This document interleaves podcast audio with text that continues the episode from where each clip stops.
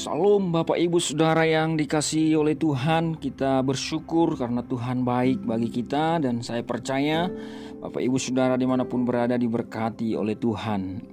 Bapak Ibu Saudara saat ini kita akan merenungkan bagian dari firman Tuhan Tapi sebelumnya kita berdoa Bapa di surga kami bersyukur Tuhan buat kasih setia Tuhan dalam kehidupan kami. Kami bersyukur Tuhan karena berkat-berkat Tuhan semakin hari semakin nyata dalam hidup kami. Terima kasih Bapa, terima kasih Yesus Tuhan kami. Saat ini Tuhan kami mau merenungkan firman-Mu. Biarlah kiranya Engkau Allah berbicara bagi setiap kami yang mendengarkan di mana pun berada. Terpuji namamu Tuhan kami membuka hati kami untuk firman-Mu. Dalam nama Yesus Kristus kami berdoa haleluya. Amin Salam Bapak Ibu Saudara, perenungan kita pada saat ini sudah ada di dalam kitab Yosua pasal yang pertama. Dari kitab Yosua pasal yang pertama. Nah, pada renungan kali ini saya memberi judul yaitu promosi itu datangnya dari atas. Promosi selalu datangnya dari atas. Oleh karena itu Bapak Ibu Saudara kita tidak perlu mencari promosi dari bawah. Kita tidak perlu mencari promosi dari manusia Tapi promosi datang dari atas Yaitu dari Tuhan sendiri. Nah Bapak Ibu Saudara yang terkasih dalam kisah dalam Yosua pasal pertama ini Itu adalah berbicara mengenai perintah Tuhan kepada Yosua Untuk melanjutkan tugas Musa membawa bangsa Israel masuk ke dalam tanah perjanjian, yaitu tanah Kanaan. Di dalam ayat 1 jelas sekali dikatakan bahwa sesudah Musa hamba Tuhan itu mati, berfirmanlah Tuhan kepada Yosua bin Nun abdi Musa itu demikian. Nah, dalam bagian ini jelas bahwa Yosua adalah abdi Musa, hamba Musa, sementara Musa adalah hamba Tuhan dituliskan. Joshua dijelaskan sebagai pelayan Musa, sebagai pembantu Musa.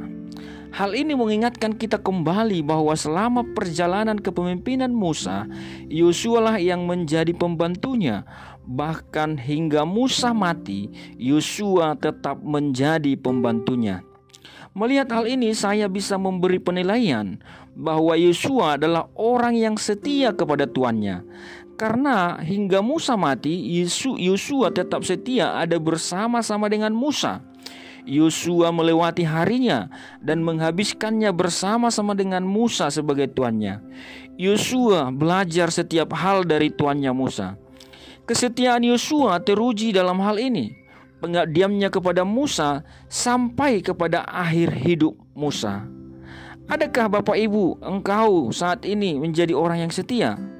Jika kita lihat akhir-akhir ini Bapak Ibu Jangankan antara tuan dan hamba Antara suami dan istri saja sudah banyak yang tidak setia Kesetiaan itu penting sekali Tuhan memperhatikan orang-orang yang setia dan mengharapkan umatnya menjadi orang-orang yang setia.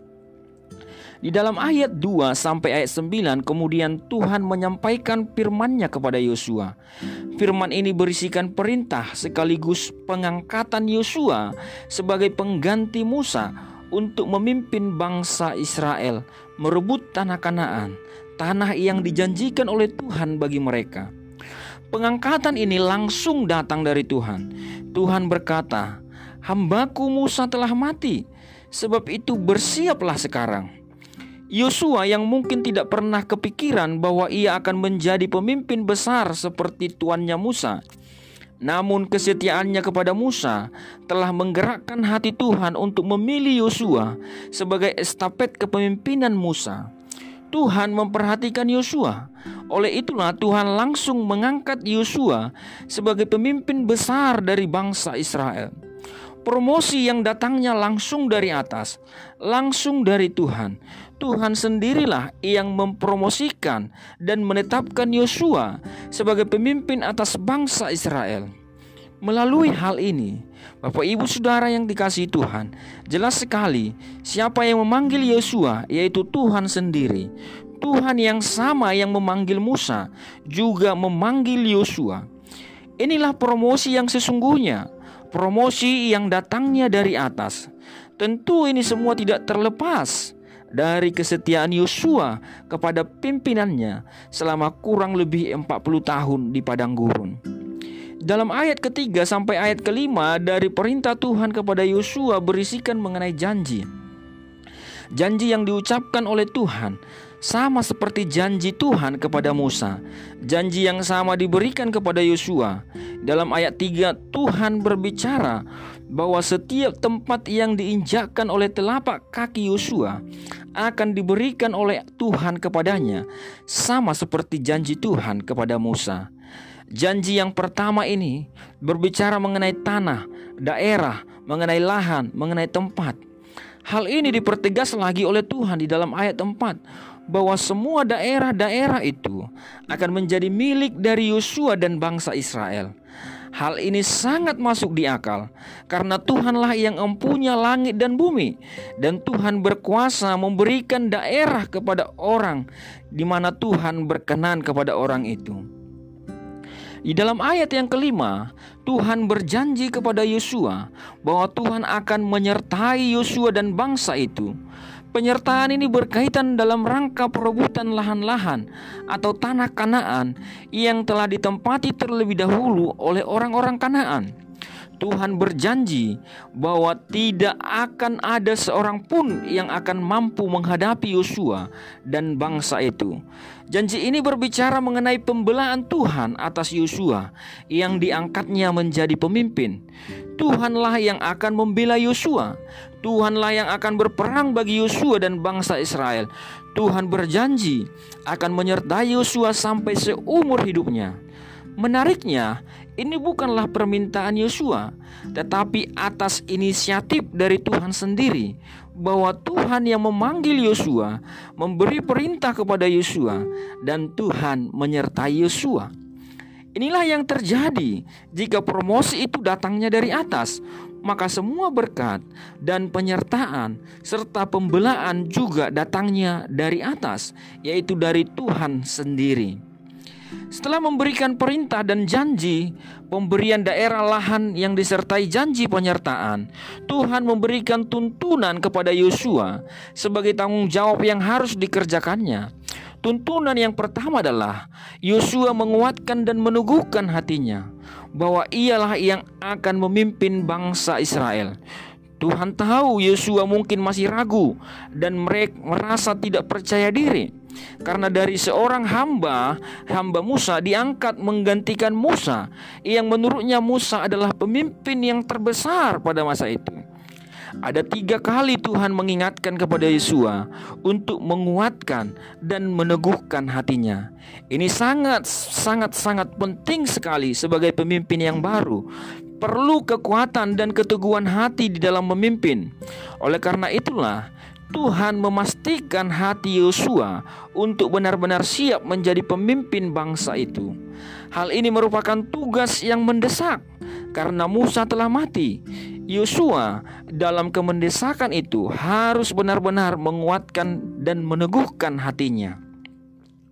Tuntunan yang kedua adalah supaya Yosua bertindak hati-hati, tidak sembrono, tidak suka-sukanya, bertindak sesuai dengan Taurat Tuhan tidak boleh menyimpang ke kiri maupun ke kanan.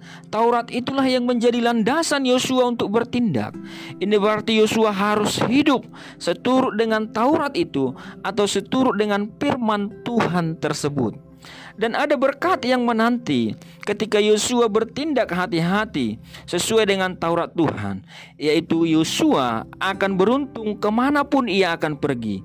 Keberuntungan ini tentunya datang bukan karena perbuatan Yosua ataupun karena keahliannya, melainkan sebagai upah atas ketaatannya melakukan kehendak Tuhan yang memanggilnya. Itulah juga yang saya percaya bahwa ketaatan akan mendatangkan berkat Tuhan.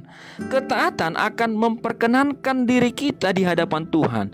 Tuhan senang dengan orang-orang yang taat kepadanya. Tuntunan yang ketiga adalah untuk Yosua memperkatakan Taurat Tuhan siang dan malam. Jika yang kedua Yosua dituntun untuk bertindak sesuai Taurat, ketiga ini Tuhan meminta lebih lagi untuk Yosua memperkatakan Taurat ini. Ini berbicara mengenai keselarasan antara tindakan Yosua dengan perkataannya, sehingga sempurnalah bahwa Yosua dalam tindakannya menjadi teladan, dan begitu juga dalam perkataannya. Yosua dituntut tidak hanya teladan dalam tindakan, tetapi juga dalam perkataan. Tentu ini berkaitan dalam hal mengajar bangsa itu. Sebagai pemimpin yang baru, tentu tugas lainnya yang akan datang adalah pengajaran. Yosua diperintahkan untuk tidak lupa memperkatakan kitab Taurat yang telah diberikan kepada Musa. Dan lagi dan lagi, perintah ini disertai dengan janji keberhasilan dan keberuntungan. Ketaatan kepada firman itu mendatangkan keberhasilan dan keberuntungan. Bagaimana dengan Bapak Ibu Saudara? Bagaimana? Apakah Anda adalah orang-orang yang taat atau orang-orang yang membangkang? Mari renungkan. Berikutnya tuntunan yang keempat adalah Tuhan mengingatkan Yosua untuk tidak tawar hati dan tidak kecut hati. Tawar hati dan kecut hati berbicara mengenai ketakutan dan kebimbangan. Jika kita membaca di dalam firman Allah yang hidup, Yesua diingatkan bahwa Tuhan yang menyertainya.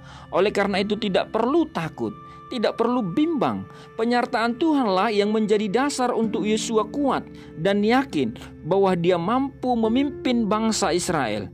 Bukan karena keahlian ataupun karena kepandaian Yesua, banyak orang mungkin merasa mampu oleh karena keahlian dan kepandaian serta hal-hal yang dimiliki oleh manusia untuk memimpin. Tetapi tidak demikian menurut Allah. Keyakinan dan kekuatan seorang pemimpin harus bersumber dan berdasar dari penyertaan Tuhan. Jika Tuhan menyertai, maka kita mampu dan siap untuk maju. Jika Tuhan tidak menyertai, maka jangan coba-coba untuk maju. Lebih baik nantikan Tuhan terlebih dahulu.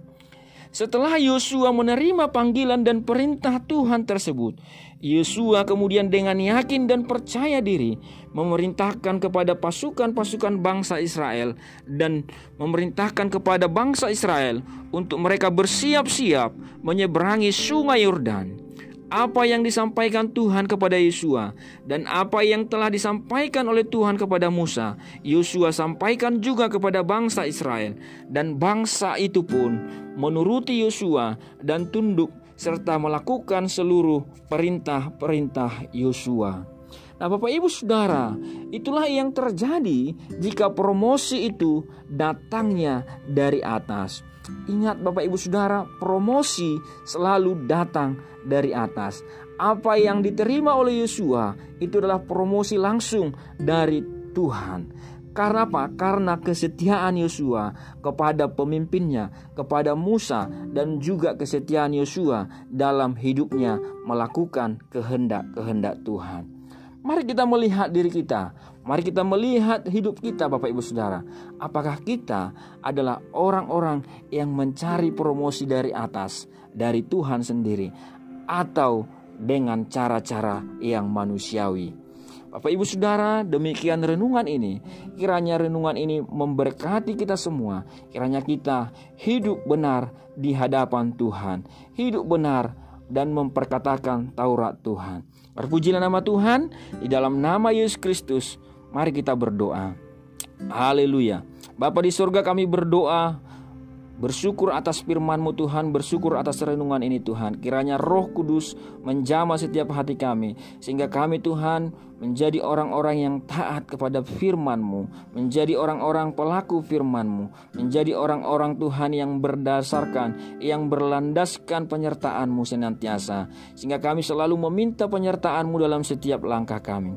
Amba berdoa buat setiap yang mendengarkan, kiranya Tuhan memberkati mereka, menyertai mereka senantiasa. Dalam nama Yesus Kristus kami berdoa. Haleluya. Amin. Salam Bapak Ibu Saudara, Tuhan Yesus memberkati.